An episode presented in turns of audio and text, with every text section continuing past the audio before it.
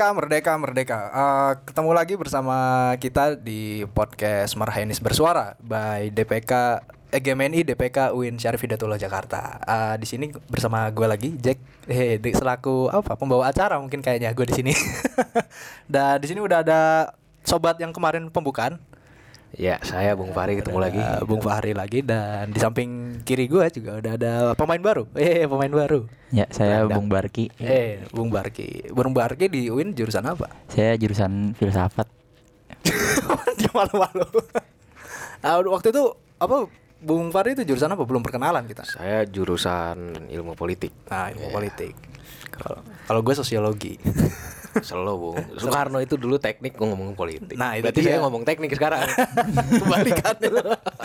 nah, iya, iya, iya. uh, di podcast episode pertama kita ini mungkin mau ngebahas tentang hal-hal apa ya? Bisa dibilang basic dulu sih, ya. Tentang Pancasila 1 Juni. Nah, ini kenapa gitu? Kita jadi penting untuk membahas Pancasila 1 Juni, Bung. Ya karena Pancasila 1 Juni ini menjadi dasar awal, konsep awal dari Pancasila yang kita yang sekarang kita pakai sekarang. Karena banyak eh, distorsi sejarah yang Hmm. terjadi gitu di Indonesia ini khususnya. Makanya kita harus eh, kembali menggaungkan konsep awal dari Pancasila ini sebenarnya dari mana sih gitu. Hmm, tapi kan lantas uh, sebenarnya kan di sidang itu kan ada tiga orang kan yang bicara tentang konsep Pancasila gitu. Nah, lantas mengapa kita harus membahasnya yang 1 Juni nih? Uh, mungkin siapa nih yang mau ngomong nih? ya. Oh, Bung Fahri mungkin. Karena begini, Bu. Yamin apa yang disampaikannya, Supomo apa yang disampaikan dan, dan Soekarno apa yang disampaikannya, itu ketiganya sesuai dengan amanat apa yang disampaikan oleh Dr. Rajiman. Hmm. Memang ya, dalam kedua ketiga orang itu memang diminta untuk menggali, bukan berarti menggali apa kan? Hmm. menggali eh, dasar negara yang cocok. Nah, untuk dijadikan nanti landasan Indonesia merdeka. Nah, kenapa hanya Pancasila? Kenapa Pancasila itu? Hmm. Pancasila itu adalah dasar negara yang disematkan, nama dasar negara yang disematkan yang berdasarkan hasil penggalian daripada Bung Karno. Hmm. Begitu. Supomo melahirkan dasar negara, ya, menggali dasar negara. Yamin melahirkan dasar negara, iya, tapi mereka tidak menamakan. Nah, tidak menamakan dasar negara atas penggaliannya dengan nama Pancasila. Nah, Soekarno ini ya salah satu tokoh, satu-satunya tokoh yang menggali Pancasila, bukan menemukan. Panc- Pancasila itu tidak ditemukan oleh Bung Karno, Tapi dia digali itu tadi. tapi digali, nah digali dari ap- apa? Lumpur peradaban Hmm. ya lumpur peradaban Indonesia ini bahwa kita tahu Indonesia ini pada saat penggaliannya itu pada saat masa penggalian itu dilewati bukan hanya proses penggalian eh, bersifat materi karena yang bukan hanya bersifat jasmani tapi juga rohaninya Soekarno pada saat itu. Dia digali daripada lumpur sejarah. Apa lumpur sejarah itu? Penjajahan. Ya kan? Penyelewengan penyelewengan terhadap lokal jenius orang bangsa Indonesia itu sendiri. Nah, ditelusuri dari berapa eh, berapa zaman. Nah itu nanti kita akan bahas itu. Nah, ini mungkin akan menjadi seru kalau misalkan kita bahas uh, Pancasila ini langsung Pancasila 1 Juni ini langsung per sila-silanya. Seperti yang sudah kita didiskusikan uh, pada malam Minggu kemarin gitu. Eh, siap, siap. Eh, ini. Ini mungkin kalau poin pertama itu tentang kebangsaan ya, Bung. iya Nah, ini apa itu yang dimaksud dengan poin kebangsaan yang dimaksud dengan Soekarno itu? kalau dari atas apa yang kita diskusikan dari minggu lalu itu bahwa kita bukan bersepakat artinya paham kebangsaan ini haruslah menjadi dasar daripada eh, Pancasila yang dilahirkan 1 Juni itu. Kenapa? Karena memang bangsa Indonesia ini adalah bangsa yang multikultur. Ya bahwa kebangsaan-kebangsaan ini haruslah dapat diatasi. Ketika kita bicara karena saling mengikat nih, bangsaan dengan sila selanjutnya itu memiliki keterkaitan Hmm. yang sangat erat karena kebangsaan ini jangan kita hanya bicara bangsa Jawa, jangan kita hanya bicara bangsa Sumatera, Su- Sunda segala macam, tapi juga itu harus dalam satu kesatuan ritme yang yang unik gitu, bahwa itu adalah bangsa Indonesia yang di mana isinya adalah heterogenitas, nah, heterogenitas bangsa. Maksudnya begini, ketika kita telah me- mengatasi paham-paham kebangsaan ini, maka kita sudah siap untuk membina, untuk membangun, untuk ya selanjutnya mencita-citakan apa yang dicita-citakan oleh kemerdekaan Indonesia dalam satu framing yaitu bangsa Indonesia. Begitu. Nah, jadi Gimana- eh, gimana nih, Bung Barki? Konsep kebangsaan ini sebenarnya itu kita gali eh, Ini karena Bung Barki anak filsafat nih mestinya lah jauh lebih mendalam mestinya ini. Coba coba pengen tahu. mohon maaf. ya jadi konsep kebangsaan ini sebenarnya kalau kita gali lagi ya, itu dari Soekarno itu menyatakan bahwa Pancasila ini itu digali dari empat saf. Hmm. Empat saf. Kalau kata Soekarno itu bahwa sejarah bangsa Indonesia itu terdiri dari empat saf. Saf pra-Hindu sebelum Hindu itu masuk. Zaman Hindu, saf Hindu, saf Islam dan saf imperialisme. Nah, Soekarno ini menggali konsep kebangsaan ini dari zaman saf pra-Hindu, Dari awal sekali dari berarti. awal sekali Hmm. bahwa eh, Indonesia dulu memiliki jiwa tersendiri gitu, Hmm. jiwa bangsanya tersendiri gitu, unik gitu. Itu yang digali oleh Soekarno. Jadi eh, setiap perjuangan bangsa-bangsa itu kan berbeda-beda, memiliki jiwanya masing-masing. Hmm. Indone- eh, perjuangan bangsa Indonesia tidak bisa disamakan dengan perjuangan bangsa Inggris gitu, yang memiliki warna jiwa yang berbeda-beda. Gitu. Ya mungkin eh, Nah, tambahannya gitu aja nih. gitulah gitu pokoknya Nah- eh, garis besarnya seperti itu Pandangan lu tentang poin pertama tadi itu gimana? Tentang konsep kebangsaan itu tadi. Kalau yang Bung Barki ingin utarakan mungkin. Ya menurut saya konsep kebangsaan ini menjadi penting gitu. Hmm. sama seperti yang Bung Fahri katakan menjadi penting untuk mengikat Hmm. mengikat bangsa-bangsa yang ada di Indonesia gitu karena karena di Indonesia ini khususnya bangsa itu telah ada sebelum negara itu ada Oh iya. Nah, iya. itu menurut Franz Magnus Suseno dalam pembukaan di negara paripurna Hmm. bahwa bangsa Indonesia telah terbentuk sebelum negara itu ada gitu. Yang mana bangsa negara ini, negara Indonesia ini menopang berbagai macam bangsa gitu. Tidak seperti di Eropa. Tidak seperti di Eropa yang satu bangsa itu menopang berbagai macam negara. Hmm. Oke, seperti itu. Seperti Unik. itu. Ini unik deh, Bung. Ya. Jadi saya saya Nah, sambut ya. Langsung, Bung, langsung bahwa aja. eh, bangsa yang banyak ini di Indonesia ini melebur menjadi satu kesatuan bangsa yaitu bangsa Indonesia. Tentu ini mengalami proses banyak. Hmm. Ada proses fase kebangsaan ada tiga di situ. Di Indonesia perjalanan ada tiga proses fase kebangsaan. Yaitu satu adalah proses arsaik nasionalisme, Hmm. kedua adalah proto nasionalisme, dan terakhir modern nasionalisme. Nah itu proses peleburan banyak bangsa, bangsa Jawa, bangsa Sumatera, Sunda segala macam dan kawan-kawannya itu dapat melebur itu melalui proses. Nah, proses inilah yang dilewati oleh bangsa Indonesia sehingga 1 Juni itu Pancasila 1 Juni itu mungkin Hmm. dan memang secara teoritik itu dapat mengakar, memang sudah mengakar gitu di di alam budinya, akar budinya Indonesia terutama karena memang proses untuk menjadi ke arah bangsa yang satu itu memang prosesnya panjang dan memang penuh intrik gitu. Nah, itu bakal kita bahas di episode selanjutnya mungkin. Yo, ini akan jadi episode yang panjang memang Episode sebenarnya. panjang, mengerikan. tapi yang menjadi menarik adalah di saat Soekarno itu me- apa namanya mengusulkan konsepnya tentang Pancasila itu setelah kebangsaan itu adalah adanya internasionalisme. Di masa di mana ini kalau menurut gua adalah sebuah apa ya konsep bangsa dalam artian lebih global gitu. Hmm. Atau gimana nih? Teman-teman ada yang mau berpendapat kali? Ya, bahwa internasionalisme Hmm. ya kan kita hendak membangun bangsa kan pada saat itu kita ingin hendak ingin membangun bangsa Indonesia. Nah kita harus berhadapan dengan dunia pada saat itu yang sedang berperang, sedang mengalami ketertindasan macam-macam bangsa Asia terutama. Nah diharapkan Pancasila ini bisa menjadi pedoman, terutama di sila kebangsaan itu bisa menjadi pedoman bagaimana nanti internasionalisme Indonesia itu dapat berjalan. Terutama nanti akan muncul yang namanya sifat dari filsafat Indonesia itu sendiri Jawa Dwipa, Suvarna Dwipa, yang mana Jawa Dwipa itu adalah filsafat bangsa Indonesia yang asli, bahwa bangsa Indonesia itu adalah bangsa yang memberi makan terhadap negara lain, Hmm. dan Suvarna Dwipa bangsa yang memberi hartanya untuk negara lain Hmm. gitu kan itu semua adalah filsafat bangsa Indonesia yang digali oleh penggalian Soekarno maksudnya adalah internasionalisme ini atau paham kemanusiaan ini bisa berjalan bukan tidak sempurna juga artinya bisa berjalan dan diupayakan apabila kita paham kebangsaan secara domestik kita selesai. Kita tidak lagi bicara Jawa kita tidak lagi bicara Sunda kita tidak lagi bicara Sumatera dan Kalimantan Sulawesi delapan itu delapan provinsi itu. Ketika mereka sudah melebur dari satu, maka kita siap untuk bicara soal internasionalisme. Terbukti di tahun 1946 setelah Pancasila itu disahkan.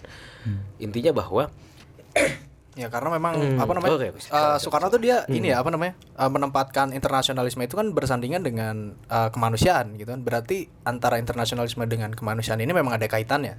betul kaitannya sangat erat gitu bahwa harus saling mengisi gitu kan karena itu kalau diperas paham kebangsaan dan eh, internasionalisme itu ketika diperas nanti itu akan menjadi yang namanya sosio nasionalisme di Trisila nanti begitu Gimana kalau Bung Barki memandang tentang ini sila Jadi Sila betul kata iya betul kata Bung Fahri itu.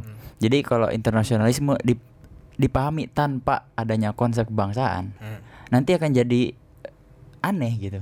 Ketika bangsa Jawa langsung menghadapi bangsa Amerika gitu. Oh, iya, iya. Jadi nggak konsepnya kayak iya. Nazi dulu nggak sih jatuhnya tuh? Di mana dia ngebawa supremasi tentang bangsanya sendiri gitu. Ya, nah ini juga perlu dipahami apa yang terjadi di ap- ini kaitan dengan uh, nanti ketika diperas jadi Trisila sebenarnya, tapi nggak apa-apa. Ini karena sudah disinggung bahwa uh, nasionalisme yang berkembang di Indonesia ini berbeda dengan nasionalisme yang berkembang di Barat. Nasionalisme yang berkembang di Indonesia ini adalah nasionalisme yang uh, sejalan dengan berkembangnya agama, ya kan, berkembangnya eh, paham egalitarian kemanusiaan. Bahwa penjajahan itu disadari oleh Soekarno dari penggaliannya tadi masa imperialisme. Penjajahannya itu adalah ada satu faktor di mana faktor itu adalah faktor superioritas ras. Oleh karena itu paham kemanusiaan menjadi paham yang mengikat daripada kebangsaan. Bahwa kebangsaan ini harus bisa mengamalkan kemanusiaan. Pada pada titik tertentu harus mengamalkan kemanusiaan yang bersifat universal. Kalau kita kalau kita agak bukan agak ya kalau kita teliti bahwa penjajahan di atas dunia yang terjadi di perang dunia II itu ras kulit putih menganggap dirinya superioritas terhadap ras kulit ku- kuning. Kuning. Oleh karenanya ras kulit kuning itu reaksinya adalah paham-paham bersifat humanitarianism, egalitarianism, apa yang digaungkan oleh bangsa Belanda dan Inggris, terutama Inggris kan tidak pernah padam, ya kan Inggris adalah negara yang tidak pernah terbit, tidak pernah terbenam mataharinya. Mereka selalu menggaungkan bahwa ras mereka keniscayaan akan ras mereka itu yang mampu menguasai dunia. Jadi bisa dikatakan bahwa Pancasila eh, sila kedua daripada Pancasila 1 Juni adalah protes paling keras yang digau yang digaungkan yang dilancarkan oleh bangsa yang baru merdeka untuk siapa? Untuk konstituennya negara-negara di dunia yang tertindas. Siapa yang tertindas? Dia siap untuk mengamalkan Pancasila. Nah, istilahnya seperti itu. Ini maknanya sedalam ini ya ternyata itu, mohon izin. internasionalisme ini. Eh, lantas gimana, Bung Barki? Ada tanggapan? Sepakat aja saya. mah. Emang kalau udah kalau udah Bung Fahri yang ngomong tuh rasanya udah kelar semua. cabut dulu, gue cabut dulu kalau gitu. Izin, mohon izin. Aduh. Lalu apa setelah internasionalisme itu, Bung? Internasionalisme. Berarti kita udah selesai nih bicara kebangsaan. Ya, kalau ada yang lain nggak apa-apa. Ya, nanti kita akan berkembang lagi. Ya, akan berkembang lagi memang. Sila selanjutnya pastikan mufakat dan demokrasi. Nah, demokrasi itu. Terus kenapa? Apa nih? apa nih? apa nih dia? Kalau demokrasi terus kenapa gitu kan? Nah, eh, kalau nggak salah Bung waktu itu pernah eh, menyinggung kalau demokrasi yang eh, dimaksud dengan Soekarno itu yang digali dari tanah Indonesia itu berbeda dengan demokrasi yang ada di Barat. Oh iya. Oh iya, saya pernah menyinggung itu ya. Iya pernah. Oh iya, jadi yang ter- di dalamnya terdapat tiga itu. terdapat tiga. Tiga. Oh itu Hatta. Oh itu Hatta. Itu Hatta. Tapi nggak apa-apa. Sambil sentingan aja kan. Sentingan. Bahwa demokrasi Indonesia itu, buset gue kayaknya ini banget ya. Guru zenius zenius banget gue. Nggak, ini serius nih. Bahwa demokrasi yang digali oleh Bung Hatta itu terdiri dari tiga unsur ternyata. Ya Bung, Bung Hatta juga nggak kalah sakti kan gitu kan. Iya, iya. Dalam bukunya Demokrasi Kita disebutkan bahwa tiga komponen itu adalah demokrasi desa. Ya kan demokrasi desa apa? Demokrasi as, apa? Asal Nilai demokrasi desa itu adalah budaya kolektivisme. Yang kedua adalah stimulus i Islam. India. Enggak ya Islam Islam mau Islam. iya karena gue tahu lu pasti ngomong Islam. Gue senting Ini anak-anak UIN ini memang. Stimulus Islam. Ketiga adalah paham demokrasi dari Barat. Karena memang demokrasi ini kan dari anaknya daripada liberalisme Hmm. yang bicara soal politik demokrasi yang bicara soal kapitalisme apa yang bicara soal ekonomi adalah kapitalisme ya memang demokrasi ini yang sila ketiga memang apa yang digali oleh Hatta itu yang ketiga memang dari demokrasi barat itu tapi karena demokrasi barat ini tidak tok apa ya tidak vis apa ya tidak langsung diterapkan begitu aja karena demokrasi itu harus menyesuaikan dengan situasi dan kondisi serta akar kebudayaan juga visi yang akan dibangun dari demokrasi ke depan. Tidak hanya bicara soal demokrasi plek-plekan gitu di barat taruh gitu. Bahwa di Indonesia itu diikat oleh dua yang lain. Apa itu? Budaya kolektivisme dan stimulus Islam. Nah ini bisa kita kaji lebih lanjut. Gitu Bung Jack. Gimana Gimana gimana Bung Barki? eh kan bicara Islam nih mau izin Ah, mau mohon izin izin. nih Ini udah bicara Islam pasti tersinggung Eh, Bung Barki. jangan tersinggung Enggak, saya nggak tersinggung. Saya- Gimana gimana Bung coba Barki? Islam gimana gitu kan Jadi ada kalau di ini ya di pidatonya Soekarno itu dalam menjelaskan mufakat dan demokrasi ini dia menyinggung Islam. Oh ini silahkan nih pasal ini untuk digunakan orang orang-orang Islam gitu kan. Oh iya, untuk merebut kekuasaan di Untuk parlemen itu. Eh. ini Bung Barki. terus terus. Ya jadi eh entah ada apa, entah apa gitu yang merasuki Soekarno hingga apa memberikan nih. Ini kayak apa ya namanya? Pasal khusus untuk orang-orang Islam merebut kekuasaan. Tadi Bung nanya kan entah ada apa nanti saya bisa jawab.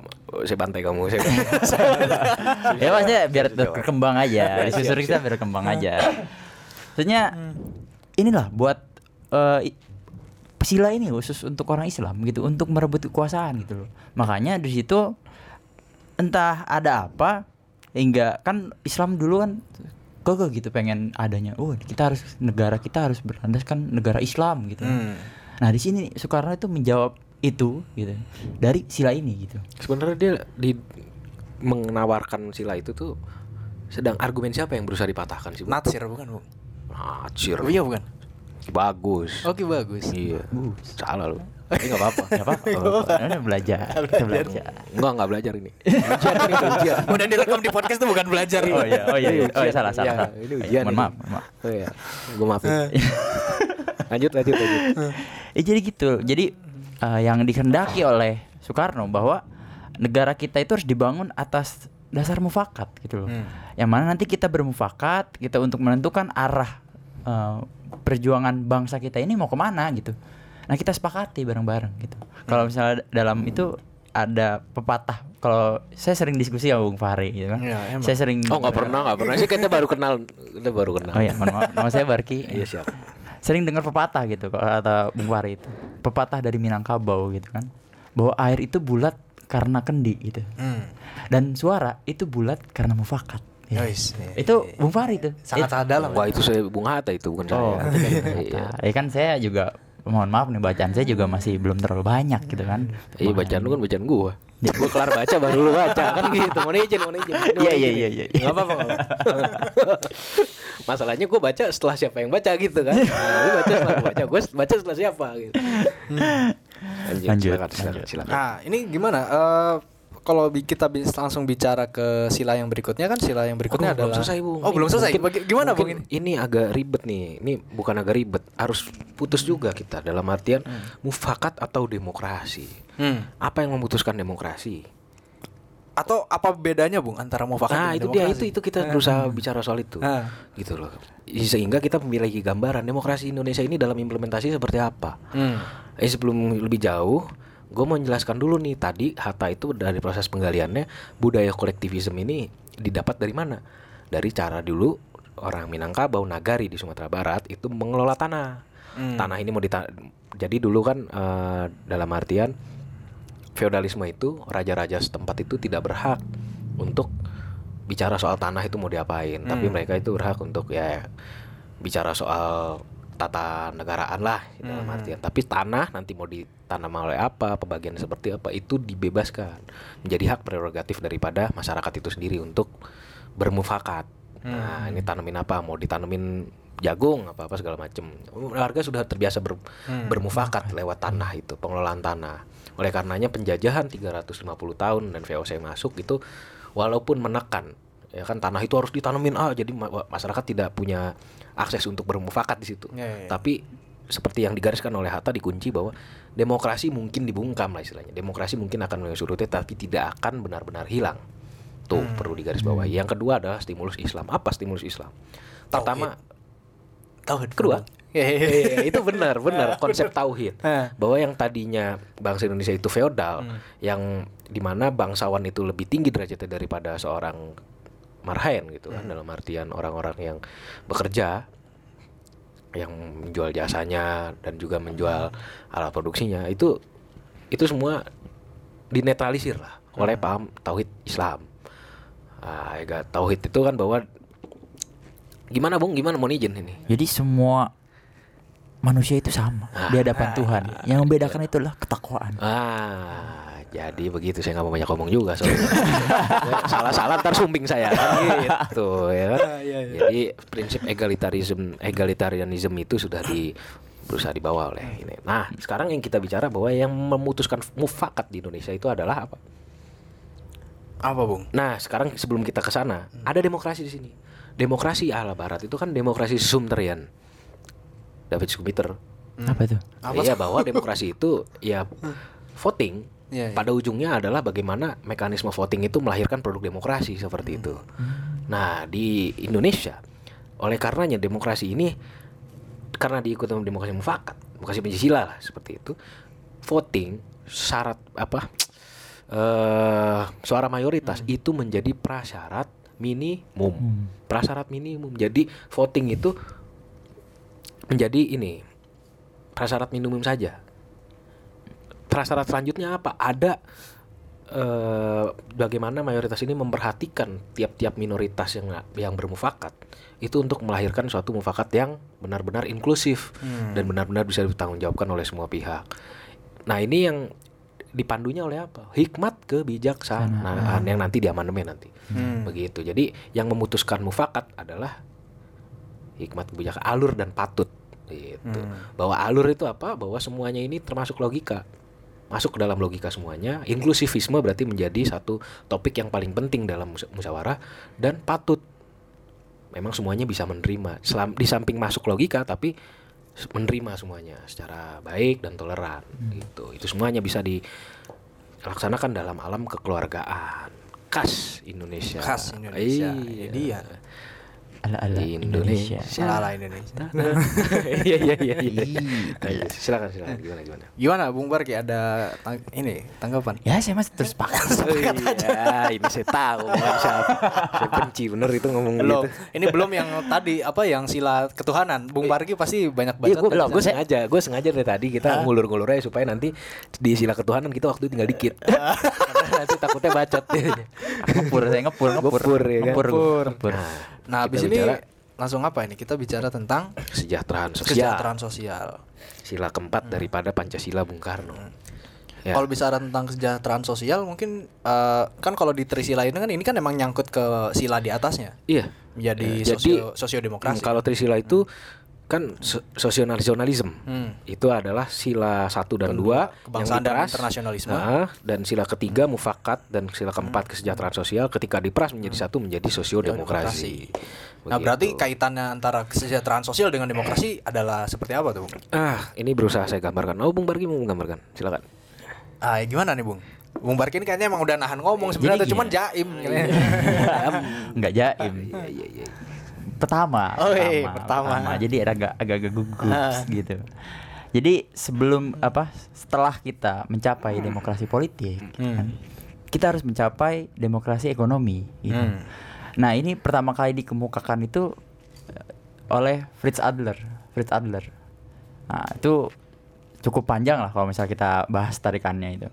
Jadi yang mana sebuah keharusan bahwa setelah kita mencapai yang namanya demokrasi politik, kita juga harus mencapai yang namanya demokrasi ekonomi.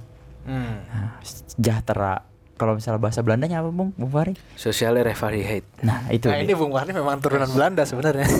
bilingual. Nah, ini mampang, Belanda mampang. Belanda pekayon. Ayo. Jadi gitu dan khusus kesejahteraan sosial ini ya, belum disinggung gitu loh. Di rapat BPPK ini kalau menurut Soekarno sendiri pengakuan Soekarno ya dalam pan- dalam pidatonya itu belum disinggung sama Supomo dan Yamin, Yamin. gitu. Ini belum ada yang disik, belum ada yang nyinggung nih gitu. Hmm. Ini politik aja gitu kan, demokrasi kemerdekaan aja gitu. Hmm. Tapi nggak ada yang memperhatikan bahwa langkah ke depannya kita harus berkarya juga dalam bidang ekonomi gitu. Harus sejahtera juga rakyat kita gitu. Ini sebagai basis memang ekonomi itu ya. Ini emang. Udah bicara basis ini pasti eh, berat. Gak ada Gimana? gitarisnya, vokalisnya gak ada, drummernya gak ada, Basis, basis semua. Kalau kan? Bung Karno mah basis semua. ya, jadi saya berusaha menambahkan saja bahwa kesejahteraan sosial ini kan ketika diterjemahkan menjadi digabungkan dengan sila mufakat menjadi itu kan sosial demokrasi. Bahwa ini berkaca pada bagaimana revolusi Prancis itu melahirkan demokrasi, Bung. Hmm. Bahwa pada awalnya kan topik demokrasi itu bagaimana mendistribusikan sumber daya Hmm. bagaimana mendistribusikan sumber daya, bagaimana membatasi kekuasaan, bagaimana masyarakat memiliki mekanisme untuk menolakkan aspirasinya untuk diagregasikan dalam kepentingan publik. Hmm. Ini kalau dalam ilmu politik seperti itu. Tapi pada intinya demokrasi itu kan bagaimana distribution of wealth and power lah istilahnya. Bagaimana semuanya bisa secara merata mendapat sumber daya. Nah maksudnya begini, yang berkaca pada demok revolusi Prancis yang menggariskan eh, Raja Louis itu kan dipotong lehernya atas nama demokrasi, itu hanya berhasil melahirkan demokrasi politik. Kenapa bisa dibilang begitu? Nah mudah saja, begini, demokrasi itu kan bagaimana masyarakat terutama kaum kelas menengah gitu bisa memperjuangkan aspirasinya pada saat itu di demokrasi di mana? Prancis. di Prancis ya kan. Di Prancis itu kan kaum borjuis borjuis baru lah gitu kan. Ada kawan-kawan daripada Robespierre dan macam-macam itu menggulingkan aristokrasi lama dan ya menduduki pemerintahan dan menerapkan sistem demokrasi. Namun bagaimana nih aktor-aktor demokrasi yang memotong kepalanya, yang ribut di jalan itu kan para-para proletar, para-para masa marhaen gitu kan. Proletar ganas. Proletar ganas juga. Mereka Sampai- jadi aktor kan, Iya. mereka Iya. menjadi carrier daripada ini. Tapi katalisnya adalah borjuis. Hmm. Nah, ketika mereka berkuasa, ya tidak ada yang bisa menjamin kalau kekuasaan itu dapat menaikkan derajat sih orang-orang yang ikut dalam revolusi ini. Tan Malaka, nah kita perlu revolusi pembanding juga, menggambarkan revolusi Prancis ini dan menggambarkan bahwa demokrasi politik itu kurang baik lah istilahnya, kurang lengkap itu sangat komprehensif di bukunya dari penjara ke penjara. Ia menggariskan bahwa demokrasi di Prancis itu dalam supremasi hukum menghadirkan tiga komponen. Hmm. Pertama adalah adanya polisi, Hmm. ya kan polisi yang bahwa polisi itu tidak boleh menangkap orang sembarangan. Hmm. Kedua adalah adanya hakim, ketiga adanya hak membela diri.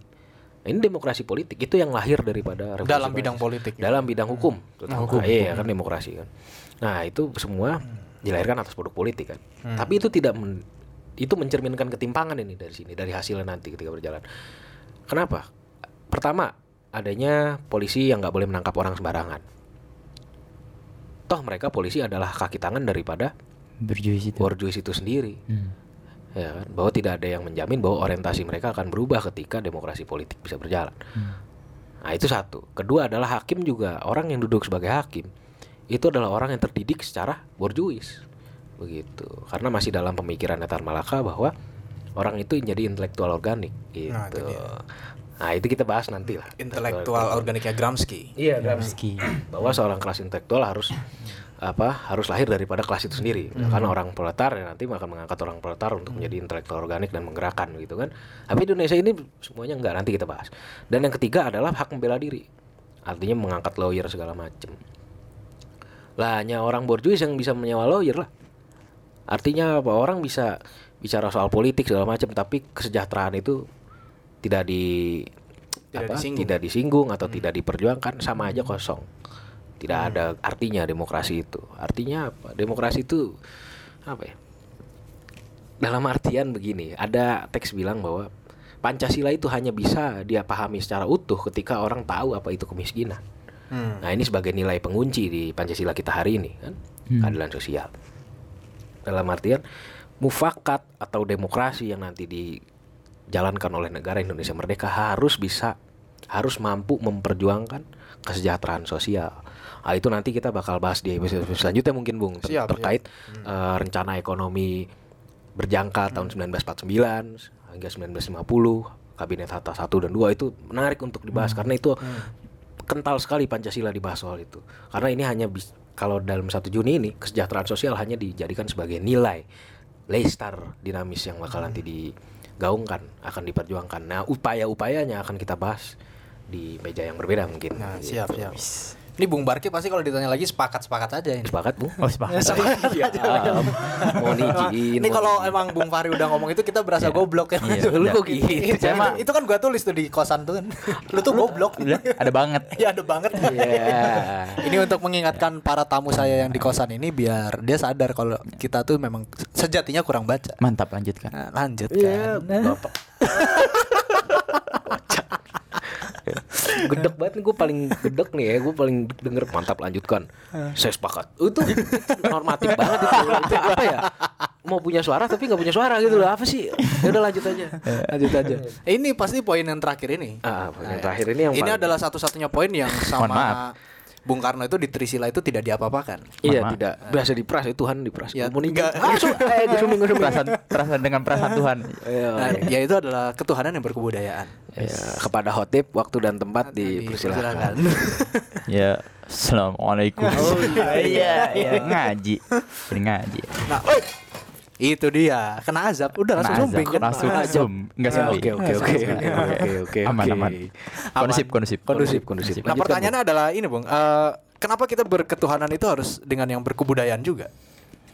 Jadi intinya gitu kan bahwa semua manusia Hmm. itu pasti memiliki pegangan atau memiliki sesuatu yang dia percaya. Hmm. Kalau misalnya kita tarik lagi sejarahnya atau ya silakan. Ya. Nah, secara historisnya gitu bahwa sejarah hidup manusia dari dulu dari semenjak mereka hidup di dalam gua dan berburu. Yang empat gitu. saf itu tadi. Ini beda lagi. Oh, beda Eh, lagi. kata Soekarno beda lagi. Eh siap siap. Itu masuk ke ya mas, bisa masuk ke sana. Hmm. Jadi dalam sejarah hidup manusia, dalam sejarahnya Hmm. dari manusia pertama ia tinggal di gua di bawah di bawah pohon, masih zaman prehistorik lah. Historik. Dia berburu, itu tetap dia ada sesuatu yang ia percaya bahwa ia takut terhadap suatu fenomena alam Hmm. seperti hujan, Hmm. petir, itu kan. Dia takut akan itu gitu. Dan ketakutan itu akhirnya muncul sebuah peribadatan itu. Sebuah kepercayaan itu akhirnya muncul bahwa oh ini yang mengatur alam gitu. Jadi saya harus menyembah ini gitu. Hmm. Eh, secara gampangnya begitu. Gimana Secara, secara gampangnya begitu. Hmm. Jadi ada sesuatu yang dipegang, Hmm. gitu. sesuatu yang dipercaya bahwa hidup di sejarah hidup manusia itu ada sesuatu yang pegang. Setelah itu fase itu eh, berlanjut gitu kan, fase itu berlanjut hingga akhirnya mereka percaya bahwa mereka paham bahwa ternyata hewan yang ia buru itu bisa diternakan gitu. Kenapa hewan berbulu nunjuknya gua? Enggak, mohon maaf, mohon izin. Jadi Sumbing. Sumbing. Jadi dari itu berkembang, pola pikir manusia berkembang. Dan tadinya hewan itu diburu cuma sekedar untuk makan saja gitu. Akhirnya diternakan. Oh, kalau diternakan nih oh bisa eh, memenuhi kebutuhan makan kita lebih panjang gitu. Hmm. Kira dia beternak gitu. Dan akhirnya pola pikir dalam bertuannya juga berubah gitu. Hmm. Seiring berjalannya fase itu pemikiran tentang Tuhan itu sel- selalu berubah. Di zaman beternak ini manusia itu berubah dari dari awalnya mereka per- takut akan eh, alam. Hmm. Akhirnya mereka lebih percaya kepada oh nih hewan-hewan ini yang memberikan kesejahteraan kepada kami. Hmm. Ya udah, akhirnya mereka mulai membentuk eh, dewa-dewa yang berbentuk hewan. Contoh dewa Ra yang berburu, Mesir gitu ya, ya. Mesir, mulai berbentuk burung, mulai Hmm. bentuk sapi, ya kan? Akhirnya mereka percaya itu, menyembah itu. Hmm. Setelah akhirnya eh, mengalami fase panjang, jadi setiap fase itu tidak instan ya, tidak Ya. instan ya, Berlangsungnya berlangsung- lama. itu- Itu berlangsung lama. Pola pikir itu tidak langsung terbentuk gitu Hmm. ada prosesnya gitu. Masuk ke fase yang ketiga, Hmm. Mereka mulai menyadari bahwa ternyata hewan ini butuh makan gitu. Hmm. Akhirnya mulai mereka mulai bertani Hmm. untuk men- mencukupi kebutuhan dirinya dan men- mencukupi kebutuhan hewan. Nah dari situ juga pola pikir ketuhanan mereka juga berbeda. Hmm. Mereka percaya. Nah dari sini di zaman ini mulai ben- eh, terbentuk yang namanya antropomorph. Antro itu manusia, Manusia. morph itu bentuk. Mulai menyembah sesuatu yang berbentuk manusia. Dilatar belakangi dengan apa gitu? Karena eh, peter- mulai berternak ini kan mereka mulai menetap, Hmm. tidak nomaden lagi. Mereka mulai menetap, ya kan? Mereka mulai mengangkat kepala suku, ya kan? Nah, kepala suku itu meninggal, dikultuskan. Hmm, Ah, dari sanalah muncul itu ya. Kenapa nunjuk ke gua lagi? Karena lu dikultuskan. harus mati dulu gua? Kepala suku. kepala suku. Iya. Gua harus mati dulu dong. Kayak gitu kan. Bentuk tuh. Akhirnya mereka mulai percaya bahwa orang ini bisa membawa kesuburan. Eh orang ini sebagai simbol keberanian gitu kan? Dewi Kuan Yin. ya begitulah. Mulai ber- bentuk gitu terbentuk gitu. Hmm. berternak. Akhirnya lanjut. Mereka berpikir ini kapan ini gimana caranya supaya kita lebih efektif dalam beternak ciptalah namanya, namanya perkakas Hmm. pacul, gerobak gitu kan. Mulai tuh nyaman megalitikum ya kan itu mulai adanya batu, ada perkakas batu, perkakas emas.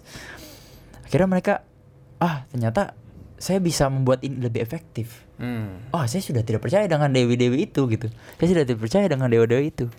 Ba- Akhirnya mereka mulai memasukkan kepercayaan-kepercayaan itu ke dalam otaknya.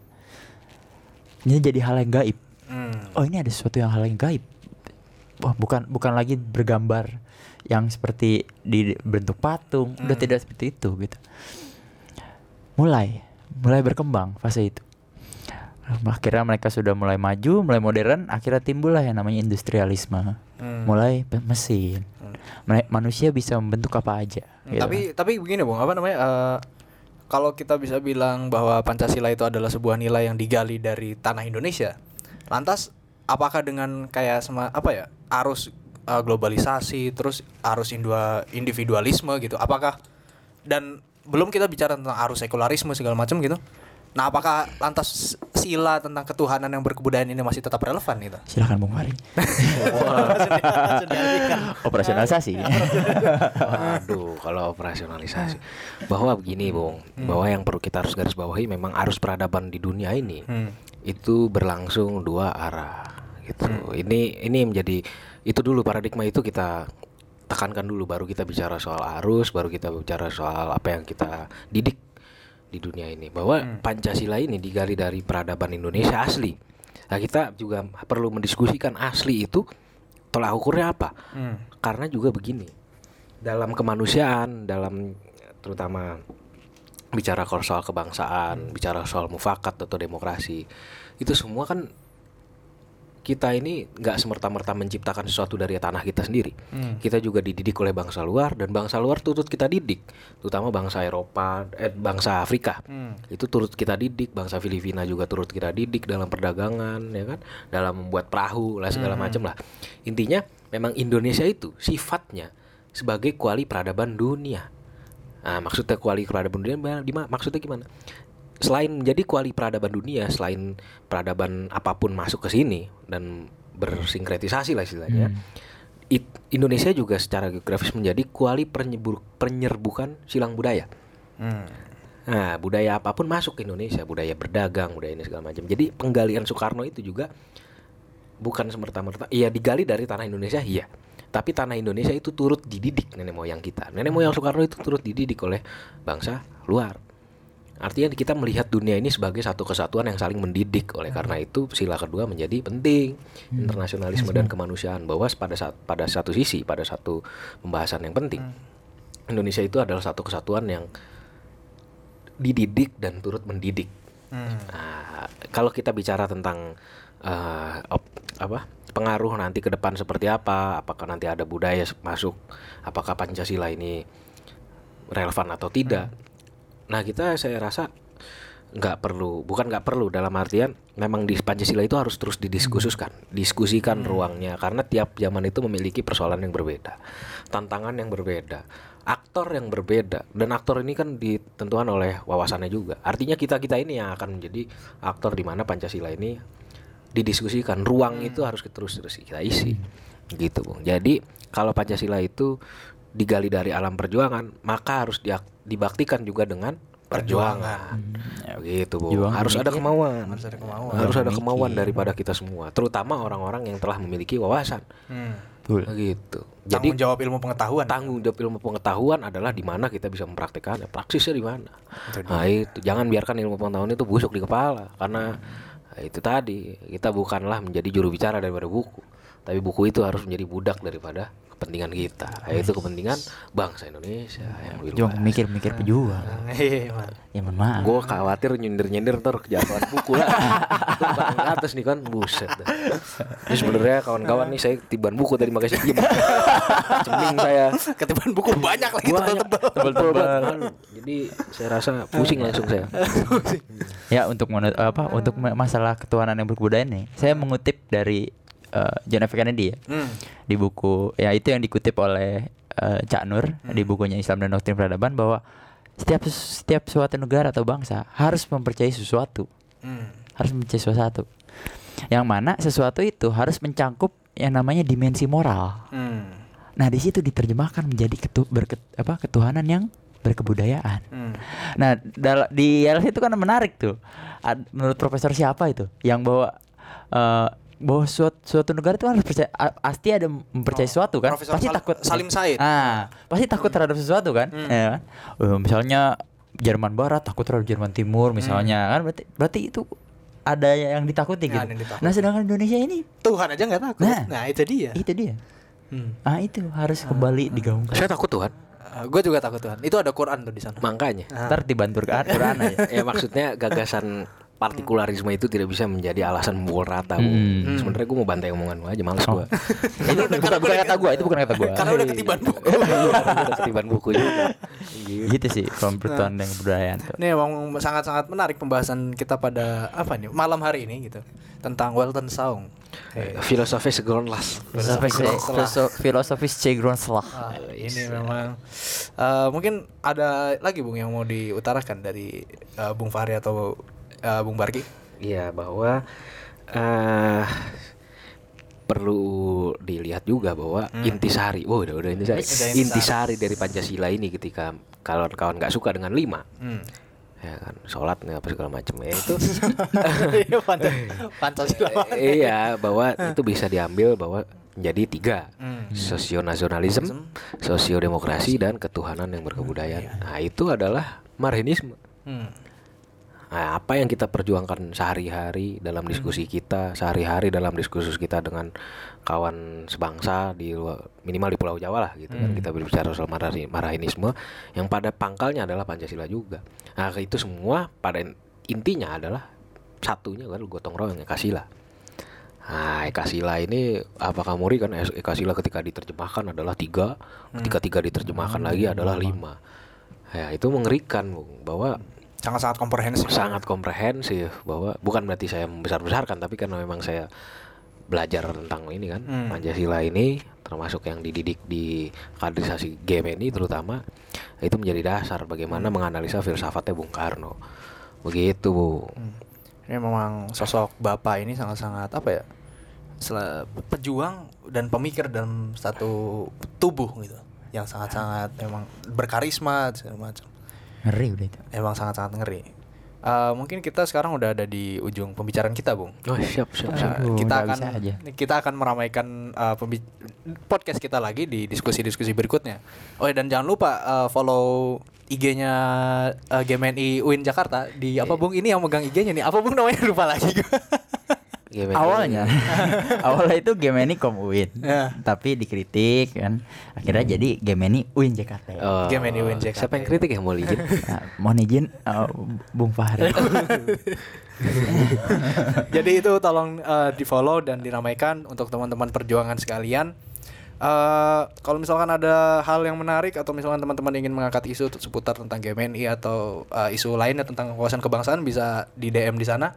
Ada kontaknya juga kontaknya Bung Iya kita egaliter lah Nah. gitu. Kita bawa percaya bahwa apa yang menjadi wawasan kebangsaan lokal jenius kita adalah milik kita bersama. Betul, bukan bukan hanya milik anak Gemini gitu. Hmm. tapi memang anak Gemini memiliki kewajiban lebih untuk menggali untuk menyebarkan dan mendiskusikan. Tapi ini semua adalah milik kita bersama tidak hanya milik Gemini saja jadi ayo kawan-kawan kita mulai diskusikan lagi wawasan kebangsaan karena ini penting tidak kalah lah istilahnya Tidak kalah. Ini Gitu. kayak soalnya mungkin kayak Bung Fahri yang emang di anak politik mungkin memang eh, syarat gitu mendapatkan tentang isu-isu kebangsaan tapi kayak misalkan teman-teman kayak Fatin gitu yang di teknik gitu Hmm, hmm, Barki.